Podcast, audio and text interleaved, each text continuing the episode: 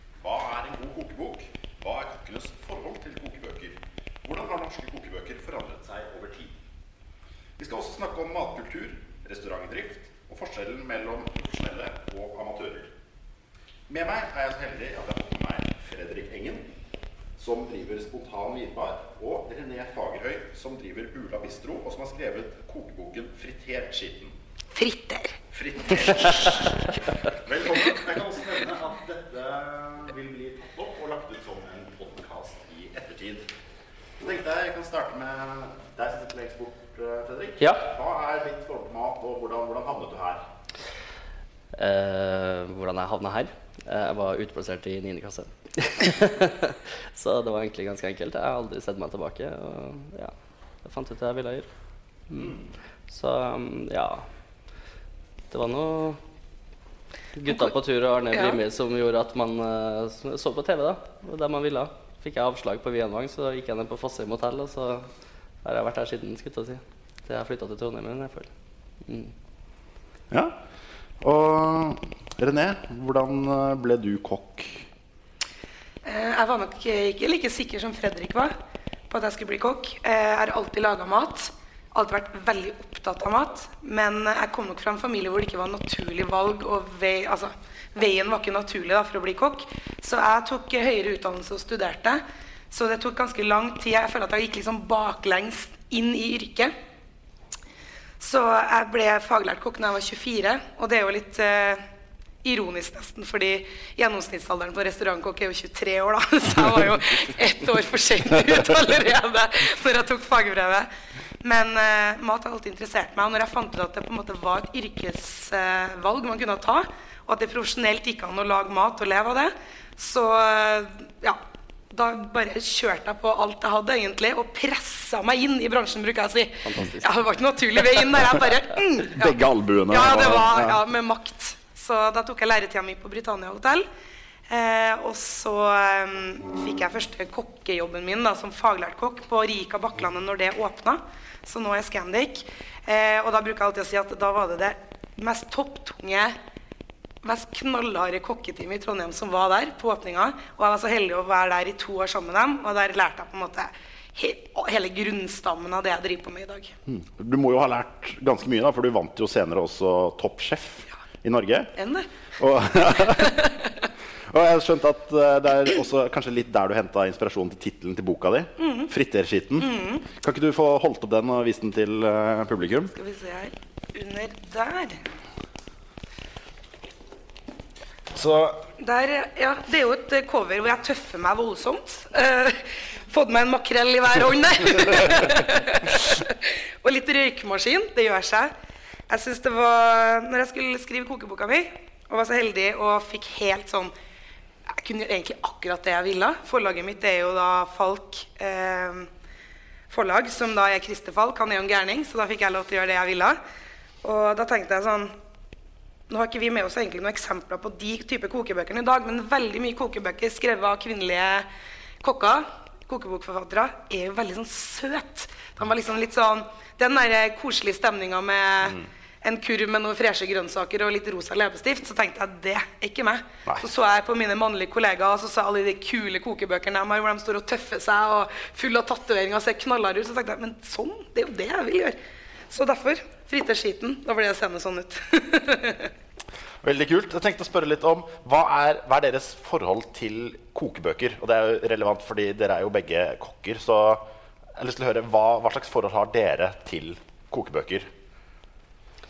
Jeg leste veldig mye kokebøker da jeg var øh, mindre, på ungdomsskolen og videregående, og når jeg gikk i læra. Um, altså leste dem. Uh, nå bruker jeg det mer som et oppslagsverk. Uh, på en måte det man skal gjøre. eller det Du satt fra på måte, perm til perm da, og leste gjennom hele? Ja, før gjorde jeg det i hvert fall, ja. Altså, det er jo veldig er interessant å gjøre det nå men nå for meg så er det veldig mye om å finne liksom, smakskombinasjoner, se hva som passer sammen, og liksom, hva jeg kan gjøre med råvarene jeg har tilgjengelig. Da. Um, eh, spesielt eh, på en måte boka som jeg har med fra Relais, eh, hvor du ser liksom sesong, hvordan de går, også framgangsmetoden på tankegangen da, eh, i å lage noe. Eh, så for meg så er det på en måte å bruke en kokebok til. Har du mange kokebøker hjemme? Eh, alle mine kokebøker er på jobb. så ja. Eh, For så vidt så er jo det hjemme også, da. Ja. Så ja, jeg har det. Mm. René, du har jo også skrevet en kokebok, men hva er ditt forhold til eh, kokebøker utenom å være forfatter? Eh, nei, jeg elsker kokebøker. Eh, men jeg er nok ikke sånn, jeg er ikke sånn manisk samler, men jeg har mye bøker. Jeg har et eh, kontor hjemme som består av kokebøker. I stor grad. eh, så jeg er nå gift med en kokk, da, så det er ganske sånn felles enighet om bruken av eh, penger på kokebøker, så det er veldig greit. Men eh, nei, jeg bruker kokebøker til alt mulig rart. Eh, jeg er jo ofte veldig interessert i kokkene bak, restaurantene, kokkene bak, ideene, historiene der. Synes jeg er interessant. Karakterene, det er jo litt av det som jeg tror tiltrekk, altså gjør at man blir tiltrukket av den bransjen her òg. Er jo litt den der rockestjernefaktoren og den litt sånn galskap, livsstilen, den der litt øh, hva skal man si da, den der subkulturen. da, Alt som foregår i en restaurant, og hva som foregår liksom på natta når den restauranten er stengt. Alt det der er jo veldig spennende. Det elsker jeg å lese om. Eh, og så liker jeg også det med fine matbilder. Eh, lese oppskrifter og få inspirasjon, sånn som Fredrik sier. at Det er ikke nødvendigvis sånn at man sitter og 100% kopierer en oppskrift, men man, eh, man leser igjennom og man setter seg inn i tankegangen til forfatteren og kokken og, og lærer veldig mye på den type måten. da. For det, jo, altså det store spørsmålet her er jo hva er en god kokebok? Og hva, hva er en god kokebok for dere? Altså, en god kokebok for meg er jo veldig idébasert, da, som jeg snakka om i stad. Um, eh, selvfølgelig De tidligere kokebøkene jeg har, så, veldig, så handler veldig mye om husmannskost. Ja. Uh, og hvordan man liksom skal eh, basere grunnmuren sin. da. Uh, men, uh, men ja, en idébasert, veldig mye sesong. eh, det er viktig for meg når jeg kjøper en bok. Da, sånn sett. Jeg tenker at En kokebok kan være så utrolig mye forskjellig. Ja, ja, og det er forskjellig bruk av ulike typer bøker. da. Men jeg tror ofte at En ting er jo selvfølgelig layouten på boka, liksom papirkvaliteten og designet. Det er Helt estetisk Ja, i en fysisk bok. Absolutt. Kjempeviktig. Jeg må jo bare vise dem her. da. Jeg må ta med meg den mest flashy boka av dem alle. Det er Salvador Dali sin kokebok i gull. Og det er jo klart at Jeg lager jo ikke kanskje så veldig mye oppskrifter direkte fra den her, men det å sitte og se på de her pompøse middagene her og drømme seg litt bort det, Er det en krabbe? ja, Ja, ja. Det var jo veldig mye humor uh, i den boka her også. Det er viktig å liksom eksempel, Hvis du skal servere en hel fugl, så prøver du likevel å pakke den inn i butternut så den ser ut som en fisk. Ja. Så blir du surprised når du åpner. Det er så god gammel humor med mat. Men uh, nei, jeg syns en god kokebok er jo en bok som klarer å inspirere på et eller annet vis, da, for min del. Ja, for jeg tenker jo kanskje at eh, dere har vel et litt annet forhold til kokebøker enn hva skal vi si, den gjengse nordmann. At det eh, det, dere er nok kanskje mer ettersom dere som kokker kan så mye om matlaging, så vet dere stort sett hvordan ting kan bli godt. da. Og at dere bruker det heller mer til å bare Ok, jeg trenger en idé, jeg trenger en inspirasjon. Hvordan får jeg en fugl til å se ut som en fisk? Ja, ikke sant?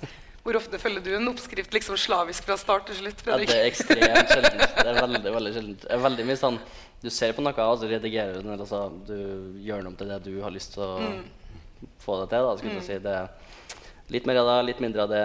Eh, du lager et eget smaksspekter selv i hjernen din når du ser på en oppskrift. Gjerne, da. Um, ja. Og ofte kanskje bare plukke ut små elementer av en oppskrift også. At du bare ja, sitter og blar i kokebøker. Det gir jo ofte direkte inspirasjon til retter man lager i, i restaurant. da. Selv om man ikke tar liksom en Man lager jo aldri en 100% kopi. Men eh, det kan være liksom et lite element som ligger på en rett. da, F.eks. eksempel, kanskje det var et lite soppgarnityr eller noen ting som så litt flott ut. Eller eh, kanskje var det en, eh, en urt som ble brukt mot eh, type protein du ikke har tenkt på før. altså det, det er de tingene der da, som du gjerne plukker opp og bruker. Så en rett med å lage en restaurant, kan jo ofte være basert på kanskje 20 ideer du har sett rundt omkring, da, som er plukka sammen til én. Plutselig så kommer det sammen. Ja, det er akkurat Eh, når det. du er ute og går, Ja. eller du ser noe, så bare Ja, det var sånn jeg skulle gjøre det. Ja. Det går av sånn skulle gjøre stjerneskudd. liksom. Altså, det sånn, nå, har jeg, nå har jeg det. Nå har jeg det. Men løpe til et kjøkken Ja, før jeg ja. glemmer det igjen. Ja. Det detter ofte ned i hodet mitt, i hvert fall. Det, Ja. er- det, er, sånn, det er veldig Ja, ja, merkelig. ja. Jeg kan stå og gjøre noe helt uh, rart, som å gå i butikken og handle mat, eller være på en Ja, ja. interiørbutikk eller whatever, og så bare Ja, da tenkte du på det. Mm. Det er de merkeligste Merkelig. ting som kan inspirere. Helt klart. Ja. Går det noen gang på butikkene bare med liksom musikk på øret og bare se på råvarer for å prøve å få noe inspirasjon, eller er det Jeg bor jo i Midtbyen, så Ja. det er liksom ikke så veldig interessant for meg å gå på Hassebugn, den inspirerende butikker her. Det er ikke så mye ferskere disker det sånn, så nei, det, den er litt hermetiske tomater? Ja. Nei, den er, den er vrien, jeg skal, skal innrømme det. Nå har jo du eh, kokkekjæreste, René, men lager, eh, lager du Fredrik, ofte mat sammen med kjæresten din? eller eh, noe sånt noe? Og hvordan, hvordan ser du kontrasten til uh, Har kjæresten din noe Hun, hun er veldig sånn um, Hun jobber som vernepleier, så hun er jo veldig systematisk også. Så hun vil gjerne ha en oppskrift, og sånn skal det være. Så hun kan gjerne bli litt forbanna på meg i og ne. Du, hun har laget en oppskrift, og så kommer du og på en måte kaster ti forskjellige Nei, nei, pinner i eiken. hun, skal, altså. hun skal følge en oppskrift, sant? Ja. Uh, men jeg har jo ingen oppskrifter, i hvert fall ikke på varm mat. Uh, det går jo alt etter feeling og hva man gjør. Spesielt det er noen ting selvfølgelig man har oppskrift på, men, uh, men eh, stort sett ikke, da. Så um, vi lager jo mat eh, sammen. Det gjør vi ofte når jeg er fri. Jeg jobber jo bare kveld på restaurant, så um, jeg lager ikke noe når jeg kommer hjem, men når vi er fri, så gjør vi det. Vi diskuterte jeg må bare nevne, jeg og Fredrik i går eller foregårs, jeg glemmer dager.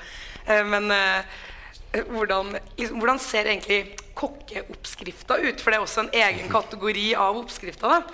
Eh, og vi liksom diskuterte der hvordan liksom, På de aller fleste kjøkken da, så finnes det liksom en sånn perm et eller annet sted som det står oppskrifter på. Den permen inneholder ofte tre ark maks. Og da tenker du kjøkken som i liksom profesjonelle Profesjonelle kjøkken. Ja. Ja. Det er kanskje tre tynne ark inni der med noe sånn fettflekker på. Og da er det gjerne bare en ingrediensliste. Ingen fremgangsmåte. Gjerne ikke navnet på hva det skal bli engang. Men det er oppskriftene du finner på et kjøkken. Så det er jo klart liksom at um, den derre mer sånn klassiske, sånn som Ingrid Espelid Hovig sin liksom ruta til kokebok og, og alt det der hvor det er veldig sånn nøye forklart, det, det er sjelden vi forholder oss til. Ja. Det, er li- det står lite sånn forvarm ovn til 175 grader og sånn. Lite av det. Lite av det. Det er veldig ofte, jeg, jeg får så sykt ofte sånn spørsmål om eh, hvor lenge skal jeg bake en fisk? Ja. Og det, det er sånn det er typisk. Og Ja, ja. det høres veldig sånn eh, stygt ut å si, men jeg sier alltid 'tjene ferdig'. Ja. Fordi at du, har jo, altså, du må jo ha vekt, du må ha varme, det er forskjellige ovner. Altså. Ja, ja. Det er feeling det går på, sånn, sånn sett. Så det er veldig vanskelig å si til noen hvor lang tid ting tar. Det er det. Så hvor mange, hvor mange kokebøker trenger man? Å, herregud. Godt spørsmål. For da tror jeg spørsmålet også er ganske forskjellig fra, fra om du spør en kokk, eller om du spør en, uh, spør en, uh, en lekperson, om du vil. Meg, f.eks. Jeg har jo jeg har stort sett to kokebøker jeg faktisk bruker. Ja. Hvor jeg da er sånn I dag skal jeg lage den typen pasta. Knekker opp, og så blar jeg til liksom, pastakapitlet og finner, Mm. Ja. Mm. eh, finner det jeg skal lage. Men uh, dere, har dere noe Hvis dere skal lage en pastarett, f.eks., tar dere da og prøver å finne oppskrift, eller bare koker dere et eller annet ut av hodet? Jeg tror vi bare lager eh, en pasta, Ja. vil jeg tro. jeg gjør i hvert fall. Ja, så jeg bruker ikke oppskrift heller når jeg skal lage pasta, for så vidt. Uh, da har jeg jo en oppskrift i hodet Uh, som, jeg, som på en måte alltid blir, blir rett, men jeg har aldri skrevet den igjen. Men, hvis du skal eh, fortelle den til noen andre, så vet du hvordan du gjør det. Ja, men jeg bruker aldri um, jeg, jeg blar ikke i noe oppslagsverk for å lage en pastarett, liksom. på en måte, Det gjør ikke jeg. Um, jeg tror man skal skille litt mellom hvordan man bruker kokebøker. Altså, fordi Ja. eh, det er klart at eh, vi har jo tatt en utdanning innenfor mat. Så liksom de her basice tingene det har vi jo inne. Ja. Eh, så det er jo sjelden vi trenger å slå opp. Men vi lurer jo ofte på altså Jeg kan jo ta meg sjøl å tenke Ok, sånn som nå, da. Nå skal jeg liksom inn i nye menyer på Bula, f.eks. Eh, nå skal jeg liksom inn i litt mer sånn julebordstida, som er november-desember i restaurantbransjen. Og, og da vil jeg jo gjøre visse ting som er kanskje litt juleinspirert, men jeg vil ikke lage julemat. Og da kan jeg glemme litt sånn Å, vent litt, hva er det som er i sesong nå? Så da bruker jeg veldig mye sånn at jeg ser på grønnsaksoversikter, lister og sånne ting, bare for å huske på Å ja, det fins jordskokke, ja. Det fins rosenkål. Sant, ja. For du klarer ikke alltid hele tida å huske på alt du kan lage i hele verden. Det er noen ting med det òg. Så det med råvarer litt sånn som å resette hjernen sin på, Ja, på du sesongen. må gjøre det. Hva er, som, hva er det som er tilgjengelig nå? Ja. Det var på en måte litt det også sånn, ok, Hva var julemat var igjen? Ja, Og så ja, på en måte Prøv å finne oppskrifter på hvordan steke ribbe, og så finner du et eller annet element. Det der Ja. har vi, den skal jeg bruke. Og så lager jeg et eller annet juleinspirert fra det. da. Helt klart. Nei, så jeg vet ikke. Jeg tenker, Hvis uh, målet ditt er å på en måte å lære deg å lage helt, ha en liksom basic kunnskap om mat, uh, så tenker jeg jo at da kan man jo ha et uh, kjempefint oppslag som f.eks. Eh, kokkelære da, av Tom Victor Gausdal. Der står det liksom alt du trenger å lære om basic ting, eller den litt mer klassiske varianten.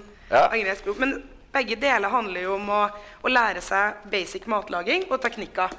Kokkelærer burde jo vært eh, standard til alle som tar, eh, tar utdanning innenfor kokkefaget på videregående f.eks. Uh, jeg kjøpte den boka nylig. Jeg bruker den masse. Jeg har jo markert på sidene. Og det er liksom sånn, Ja, ja. Bare for å gå inn og se hva som på en måte er klassisk, og hva som skal være i en oppskrift, og så går man ut ifra det igjen. Så når du sier at du bruker den uh, boka 'Kokkelære' av Tom Viktor Gausdal mye, hvordan, hvordan bruker du den som kokk da? Er det på en måte at du ser på dette fettete arket med bare ingredienser Uh, og ser liksom For eksempel hvis vi skulle ha en dessert da, med berlinerbolle, så må jeg jo på en måte gå etter en viss oppskrift. Eh, og så må man bare prøve å legge seg frem. Hvor, hvor lang tid skal det heve? Hvordan temperatur? uh, varme fritering? Altså alt ettersom hvordan type kjøkken du har. da. Eh, men det er jo For er der kommer det jo inn det med oppskriftene som kokk igjen. da, For vi kan begynne å snakke om desserter. Ja. Da er vi sånn OK, da. Vi tar oppskrifta. ja, for jeg, jeg har hørt det utsagnet at Ke- eh, Kjemi kødder man med, liksom. matlaging det er en, eller kokkelering det er på en måte en kunst, men baking det er en vitenskap. Ja.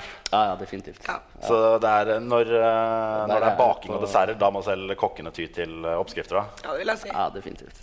Ja. Så vi har jo på en måte den eh, Ingrid Espelid Håvigs eh, kokebok her, som i eh, ble kåret for noen år tilbake av Norsk faglitterær og forfatter, forfatter- og oversetterforening. Ble kåret til beste sakprosabok gitt ut, ut etter 1945 i kategorien mat og håndverk og sånne ting. Og hvordan tror dere at kokebøker Du hadde jo også en Salvador Dali-kokebok her. Hvordan tror dere kokebøker har forandret seg gjennom tiden, om de har forandret seg i det hele tatt?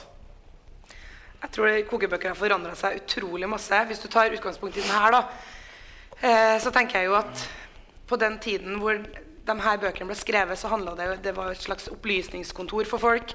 Det var viktig at eh, alle råvarer i bøkene kunne kjøpes av alle i Norge. At det var tilgjengelig for alle. Det var veldig mye hensyn som ble tatt. da.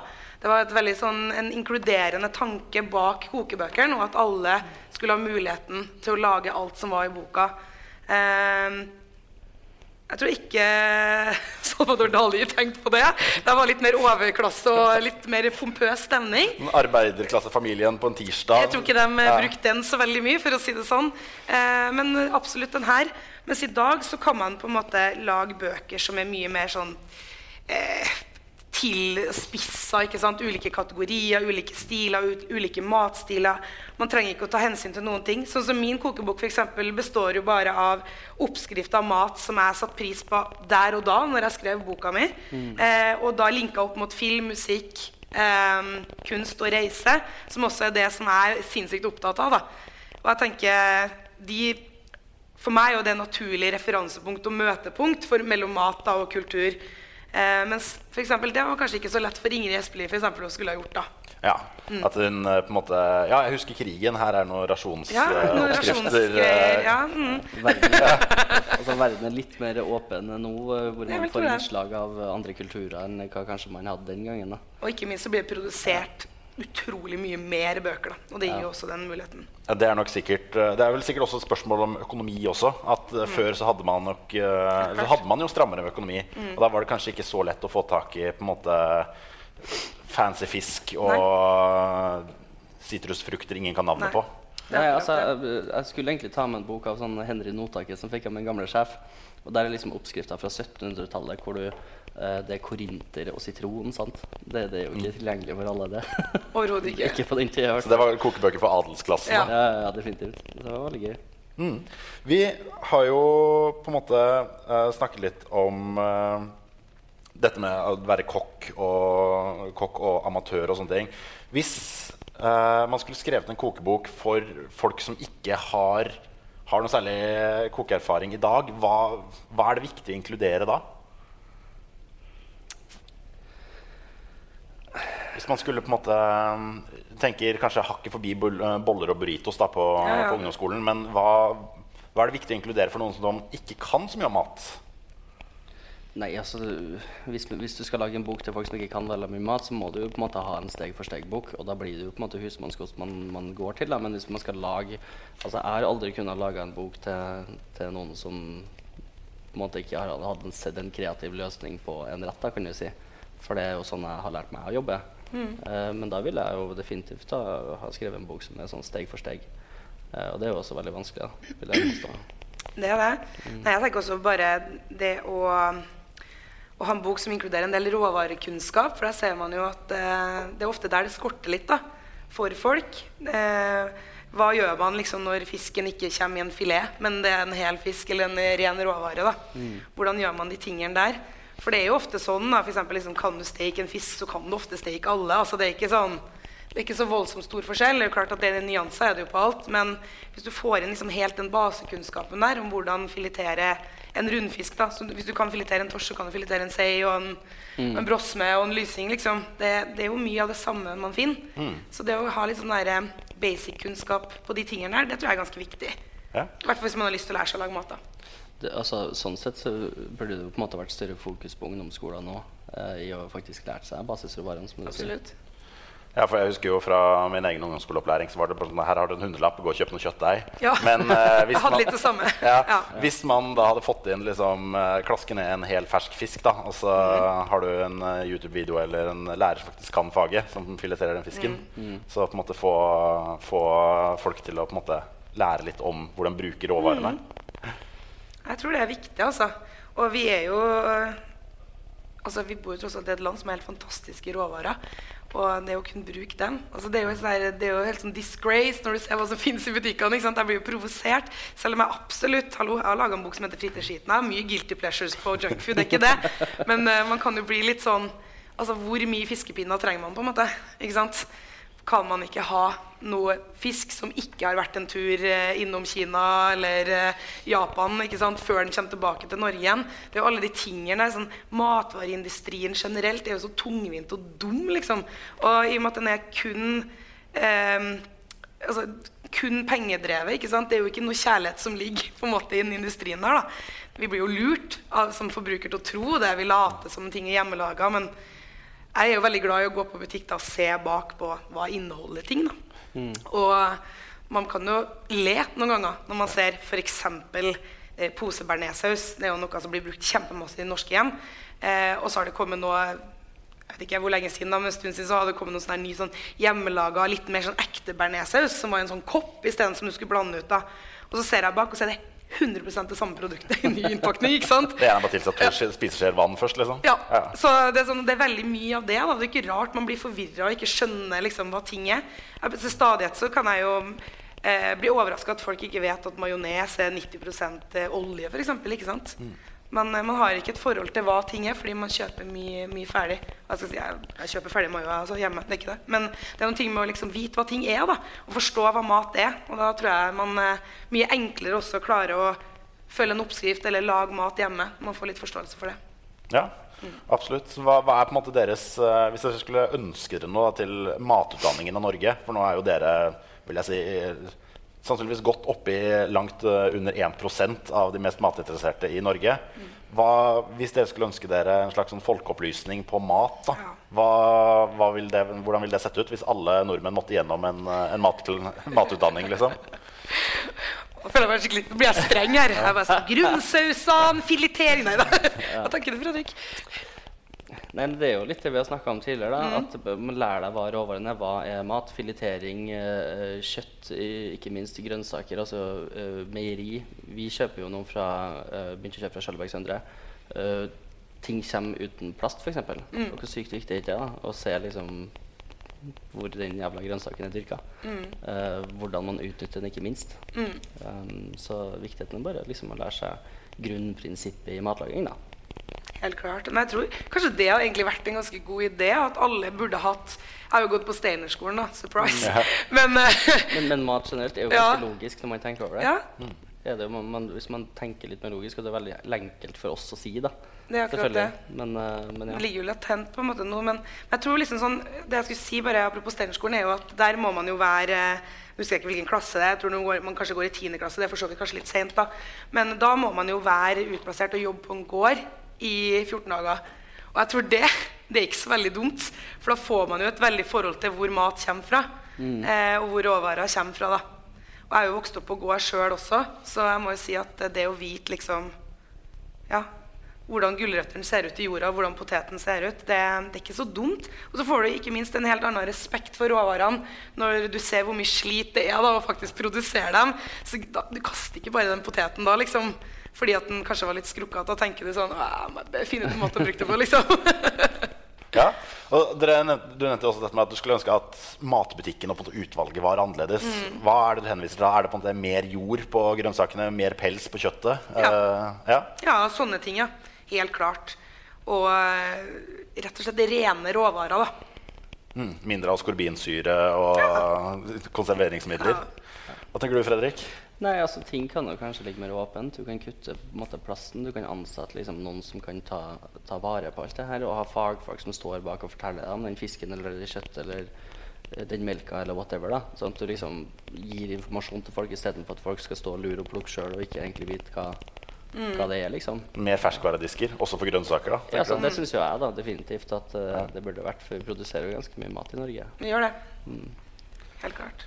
Hvordan er forskjellen når dere skal lage middag til dere selv, og når dere skal lage middag til en, til en restaurant? Da, altså forskjellen på to eller 200 gjester. Mm. Hvordan går dere fram for å bruke en oppskrift? eller noe sånt? Og da tenker dere ofte på at ah, her skal jeg bare lage til meg selv, så da kan jeg ta legge noen avanserte steg. Mens uh, hvis jeg skal lage det til 200 gjester, så må vi tvike oppskriften til å gå kjappere, eller det må være mer kosteffektivt, eller noe sånt noe. Hvordan, hvordan er forskjellen på de to?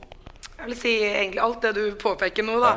Eh, men det er klart hvis du lager mat til 200 eller flere, så er det jo eh, det Logistikken er like viktig som selve matlaginga, nesten. Og forberedelsen. Vi kaller det jo mise en plass' på fagspråket, som vil si å ha ting på plass og ting i orden. Eh, og det er jo all den forberedelsen du gjør før gjestene kommer, før du egentlig har begynt å si koke, tilberede middagen. Det er det som er viktig når du har store grupper. da. Sånn at eh, Du står jo ikke og skreller gulrota idet gjestene kommer inn døra. Det har du gjerne gjort dagen før. Den Gulrota er gjerne forkokt i tillegg, altså blansjert. Og så varmes den bare opp når gjestene kommer. Så det er alle de stegene der. da. Biffen er bruna, eh, potetkremen er ferdig. Den er kanskje smakt ferdig til, tatt på en sprøytepose, ligger og varme over et vannbad. Sånn at når du skal kjøre, da, når det er klart til å servere, så skal egentlig ting bare monteres. Eh, lager du mat til to personer eller bare de nærmeste vennene dine, så er det klart at da kan du være mye mer slack. da. Du kan stå og lage mye mer mat underveis. Du kan liksom slå av en prat. og ja, Om det tok litt lengre tid på kjøttet, så er det på en måte ikke noe stress, for det er ikke et veldig tight skjema som må følges. da. Så jeg vil si at det er mye mer frihet da, å lage mat til færre. Ja. Absolutt. Du bruker også sånn Ikea-metoden, at du på en måte har fer- ferdigbygde deler som settes da sammen? Ja, det er jo basically som om vi kjører restauranten på jobb. liksom. Mm. Ja. det, vi har jo mista plass klart, og hvis ikke vi har det, så tror jeg gjestene kommer til å sitte her i seks timer. Ja, jeg også har jo, liker å lage mat, og jeg tror aldri noen gang i hele mitt liv jeg har servert et måltid til avtalt tid. Nei. Da er det som regel eh, Jeg gjør ikke, gjør ikke hjemme heller. Nei, da er det på en måte Det er baconfett utover hele komfyren, og en stekepanne som står, og, og vasken renner, og Ja, ja. Tallerkener overalt. Men uh, så får folk mat til slutt, da. Da blir de som regel fornøyd. Men jeg regner med at de du har på besøk hjemme hos deg, de betaler ikke for middagen. Så da er det lov. vet du. Ja. Det er noe annet når du har presset med, med betaling i tillegg, og ikke minst presset med at det gjerne eh, ting skal skje da, i et visst tempo. Eh, sånn som eh, hos oss hvor vi serverer ti serveringer, så, så har vi lært oss at etter tre timer så mister jo folk interessen også. Så det er noe ting med at det måltidet skal ikke ta mer enn tre og en halv time fra gjesten kommer til det er ferdig. Er ti serveringer som i ti forskjellige retter da, Ja. etter hverandre. Ja. Mm. Um, vi sier serveringa fordi en rett føler jeg er et mer helhetlig sammensetning. Mens en servering kan være liksom én snack som du tar sånn. da. Så Ja. Derfor kaller vi det serveringa. Men det, det er bare bagateller, En, en rett er litt sånn en skål med suppe og brød til, mens Ja. en, en servering kan være én daddel med bacon på. Helt eller- riktig. Ja, skjønner. Så, nei, så da, liksom, da har du det tidspresset og det arbeidspresset og leveringspresset i tillegg. Og da er den forberedelsen ekstremt viktig da, når du har gjester i restauranten. Og så skal du kanskje gjerne også ha to selskap inn på samme bord i løpet av kvelden. Eh, som da heter Double City restaurant. Og da, hvis du begynner å bli forsinka på kjøkkenet da, og det begynner å, plutselig står de nye som skal på bordet, står i døra, og så sitter den gamle gjengen på bordet enda, og da begynner å koke litt. Det er dårlig stemning. Det er dårlig stemning. Så det prøver vi å unngå så godt vi kan. da. Full krisebanan og brenner på dass. Liksom. Ja, da brenner på dass. Ja. Ja. Da svømmer vi, som vi sier. Så det er eh, på en måte Det jeg også tror har endret seg mye i det siste, er jo bruken av Internett. At folk er sånn Jeg skal lage en, jeg skal lage en, eh, en muffins, eller nå var baking kanskje det er en av de tingene man trengte oppskrifter. Da, men jeg skal, Ja. lage, jeg skal lage fiskefilet. Så går man på Google og skriver man 'fish filet'. Eh, hvorfor er det, kan det være en fordel å ha en kokebok fremfor å bare liksom, søke det på nettet? Altså Kokebøker er jo forhåpentligvis er det jo oppskrifter som er mye mer gjennomtenkt og gjennomarbeida og testa ut da, enn dem du finner på nettet. kan man jo si da. I tillegg på nettet så er det bare et hav og kaos av informasjon. Eh, og veldig ofte lite fagfolk som har skrevet det også. Da. Så du kan jo sikkert ofte få et godt resultat av en oppskrift, men ofte stemmer de heller ikke. da. Du stoler gjerne på han som har skrevet, eller hun som har skrevet kokeboka. Da, kan du si. Ja. Så det er jo litt sånn, du vet hva du får hvis du gjør det rett. Helt klart. Og så tror jeg også at man kan bli liksom forvirra. For jeg tenker bare sjøl. Liksom, sitte og scroller Instagram. Sant? Jeg føler sikkert Jeg vet ikke hvor mange matkontoer kokker jeg følger. liksom. Og det er klart at det er jo så sjukt mye informasjon inn hele tida av ideer og rett at man blir jo helt sånn Jeg syns det er vanskelig å sortere sjøl. Så det er jo mye mer sånn håndfast da, når du har en bok, et oppslagsvei du kan slå opp i. Men dere også, dere som er kokker og matinteresserte, bruker dere mye Internett og på en måte nye som du nevnte, sosiale medier og YouTube og sånne ting? Er dere der, eller er det på en måte mer analogt kokker, kokke, man prater med andre kokker og man leser i bøker og sånne ting? Både òg. Jeg bruker jo veldig mye Instagram, og sånn, men det er ikke bare for at jeg leter etter inspirasjon. Men der har jeg vært litt sånn Uh, Det er litt sånn småskummelt òg, for plutselig så ser du noe. Og så går det to uker, og så har du kommet på noe, og så glemmer du at Oi, det var der jeg så det. så jeg prøver å være jævlig skulle si, forsiktig med hva jeg driver på med når jeg gjør det. da Så du ikke plutselig bare har stjålet en hel uh, idé? Men det er jo utrolig tøft å se liksom, videreutviklinga til andre mennesker og se hvor det går hen, og hva, man, hva de driver på med. Uh, det er jo kjempekult. Mm, helt enig. Men eh, det er liksom sånn Det er morsomt, da, fordi det er klart sånn informasjon Alt, liksom, alt går så mye kjappere nå. Nå er ikke jeg liksom vært i gamet så lenge, men neste år så klokka jeg inn ti år som eh, profesjonell kokk. da. Og det er klart at sånn I starten når jeg var lærling på Britannia, det å få gode oppskrifter, det å få informasjon, det var gjennom bøker, og det var gjennom at noen anbefalte en bok. Og bøkene var ofte veldig vanskelig å få tak i i tillegg. Det var ikke bare dem du kunne gå og kjøpe liksom, på, på Nordli eller whatever. da. Du må nesten, kjenne, du må nesten ha en fyr Ja, ja, ja. som kjenner sånn, jeg, jeg har en fyr som kan hooke deg opp med en av de sjeldne bøkene du ikke får tak i noe annet faktisk, og det, det er ikke kødd. Og, og gjerne sånn herre Ja, vi har lyst til å lage en uh, søren hva som har vært veldig trendy nå. da. Eh, terte har jo vært veldig sånn greie som har skjedd de siste årene. Og da, hvis du skulle gjort en terte, så er det sånn Ja, men jeg kjenner en fyr som jobber der, han har en dritbra terteoppskrift, så må du vente noen uker før den terteoppskrifta Har han lyst til å dele liksom? Eller eh, hvordan går det? Kommer han til å utelate en ingrediens bare så at du ikke skal klare å, Må å gjøre det? ham på middag, liksom, Ja, ja, som man gjorde med gamle skoleforstanderen. Og sånn, ja, Ja, ja, ja, ja. Helt ta, klart. ta mer rødvin. Ja, ja. forresten den terteoppskriften. Ja. Helt riktig. Så, nei, så det, det der med informasjon og kunnskapen til folk generelt om mat, den er jo også høyere, men samtidig så er det på en måte ofte liksom et sånt Det mangler Det er et sånt hull da i kunnskapen. For at du må på en måte mestre det basice før du klarer å gjøre alle de her fancy tingene. da. Og det ser jeg jo ofte på No offense, da, men uh, mannen 40 pluss som er en foodie og sykt matinteressert, som gjerne vil snakke masse med meg ved restauranten min. De er jo ofte veldig opptatt av f.eks. temperaturer, de er opptatt av eh, rånere, som vi kaller det. Altså sånn sirkulering, varmesirkuleringsbad, vannbad. da. Ja, sovid, sovid ja. eh, de tingene der. For de, de har kjøpt alt det kule utstyret? de har kjøpt alt utstyret. Ja. Og så bare, men så blir jo ikke den biffen så god likevel, liksom. og, og det er jo fordi at man kanskje mangler noen ting der. For det, det handler om eh, Uansett når det kommer til mat, så handler det om liksom å øve, øve, øve, øve, øve teste, teste, teste. Og spise, spise, spise. Og smake. Definitivt. Ja, Det er det det går i. Stek den fisken 20 ganger, Ja, så ja. får du det til perfekt. Det er derfor man får det til. For vi har gjort det gærent så mange ganger. Og vi har sprekt den bearnéssausen så mange ganger. Derfor blir vi ikke stressa når vi gjør det nå, for da vet vi at ok, faen, nå gjorde jeg det. Det blir litt mer jobb, men jeg må bare få det sammen igjen. ikke sant? Og det er fordi man har gjort det. Så råd til eh, mann 40 pluss som nettopp har blitt foodie, er eh, start enkelt. Og så jobb deg heller oppover til den der eh, fancy biffen med Ja, jeg syns det er veldig morsomt da når de kommer sånn Ja, jeg bruker å eh, liksom vakumere sånn og sånn, og så bruker jeg å ha det i gjerne sånn 37,5 minutt på 53,4 grader. Og da syns jeg det er veldig gøy å si sånn Hæ, 54,4? Det er jo 54,6. Da bare sånn ja, men Da får du et helt annet resultat. Så, ja, ja, ja. Koser jeg meg litt, da. Altså, er det noen som tåler å bli kødda med, så må det være menn Jeg føler det. jeg føler det. Det er Så- Dere nevnte jo dette med på en måte, å, å få tak i de fancy oppskriftene og bruke oppskrifter og sånne ting. Men det jeg lurte på er, eh, hvis du for eksempel skal servere noe på en restaurant, eller sånt nå, hvor, hvor innafor er det å bruke en annen oppskrift? Hvis du har funnet et eller annet, Må du på en måte gjøre den litt annerledes? Er det litt sånn som når du eh, skal lage et album, så kan du sample ting, på en måte, men du kan ikke, du kan ikke bare lage en, eh, en blåkopi?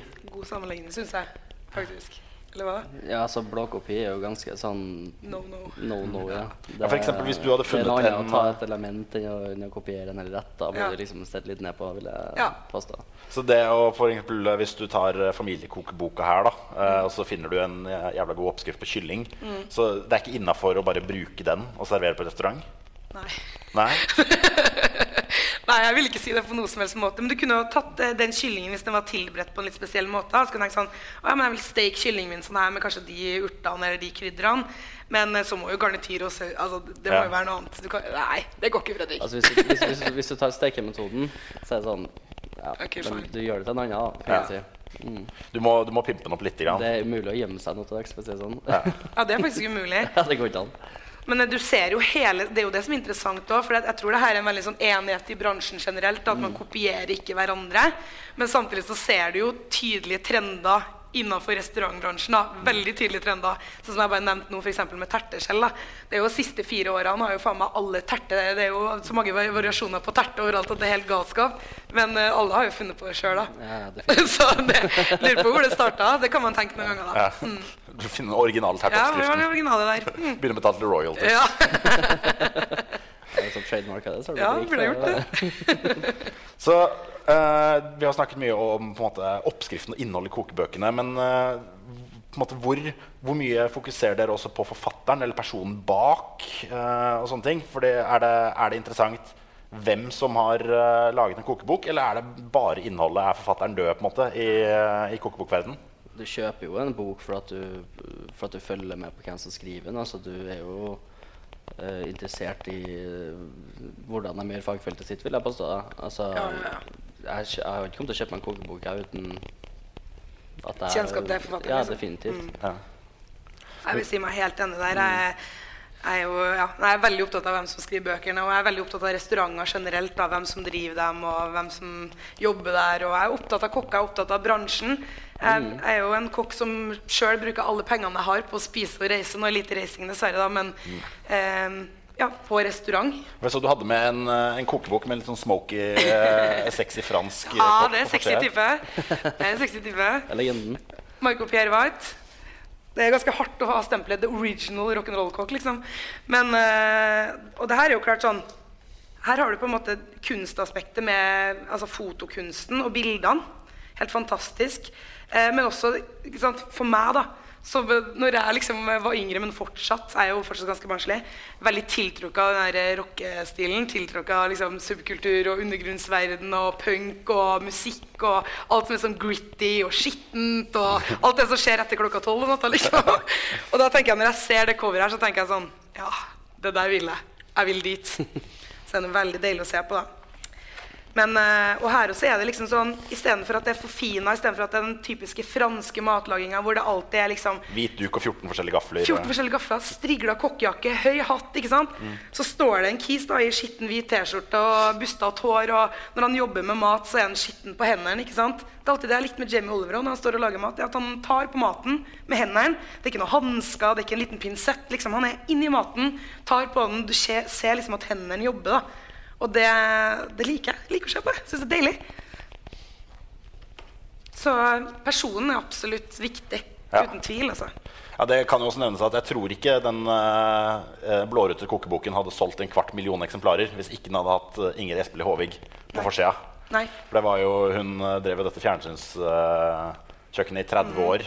Og da blir du på en måte den fremste matpersonligheten i Mm. Norge. da. Helt klart. Så hvor, eh, hvor tror dere hvis, Nå har vi snakket litt om, eh, om hvor kokebøker har vært, og hvordan de forandrer seg. Hvor tror dere kokebøker kommer til å fortsette å gå? Er det fortsatt en plass for kokebøker, eller er liksom matbloggene i ferd med å presse dem av banen? Det er, en- det er jo en viss sjarm i å ha kokebøker. Å ha liksom et eget oppslagsverk. Altså, jeg er jo fan av, av uh, gamlemetoden og, og bla i papir. Eh, matblogger det følger jeg generelt ikke med på. Jeg tror liksom ikke det er så mange kokker som lager matblogger heller. Uh, Nei. det er vanskelig å si hvor framtida går. Altså. Det, det vet jo ikke jeg sjøl, men jeg, jeg, jeg kommer i hvert fall til å fortsette med det. Og hvordan tror dere eventuelt mat- eller kokebøker kommer til å forandre seg eh, de neste fra, på en måte Vi har kommet på 40 år, da. Så har vi kommet fra den blårutete kokeboken til alle kokebøkene som er nå, og friterskiten. Og om de neste 30-40 årene, hva, hva tror du er fokuset i en kokebok da? Jeg tror nesten at eh, kokebøker kanskje kommer til å bli enda enklere. For du ser bare at folk mangler mer og mer kunnskap om mat. Folk blir dårligere og dårligere på å lage mat og kan mindre og mindre. Så jeg tror at vi kommer til å se kanskje en oppsving av liksom, informasjonsbøker igjen. Mm. Som faktisk liksom går down to basics og, og lærer folk ting. Om det er i papirformat eller om det er digitalt, det tror jeg ikke er så, så viktig egentlig. Men, øh, men at de kommer til å eksistere og at det er et behov for det, det tror jeg absolutt. da. Ja. Ja, altså, det får vi nesten bare håpe at det blir sånn, spør du meg. Det er jo ganske positivt at man går i dybden og får folk til å gjøre det fra bånn av, liksom. Uh, det er jo en informasjonskilde, så ja. Helt klart. Tusen takk, eh, René Fagerhøy og Fredrik Engen, for at dere ville stille til samtale og lære oss opp om kokebøker og rockestjerner og, og fritereskitten. Ja, Bare hyggelig. Ja, Takk for oss. så syns jeg jeg skal gi dem en god applaus.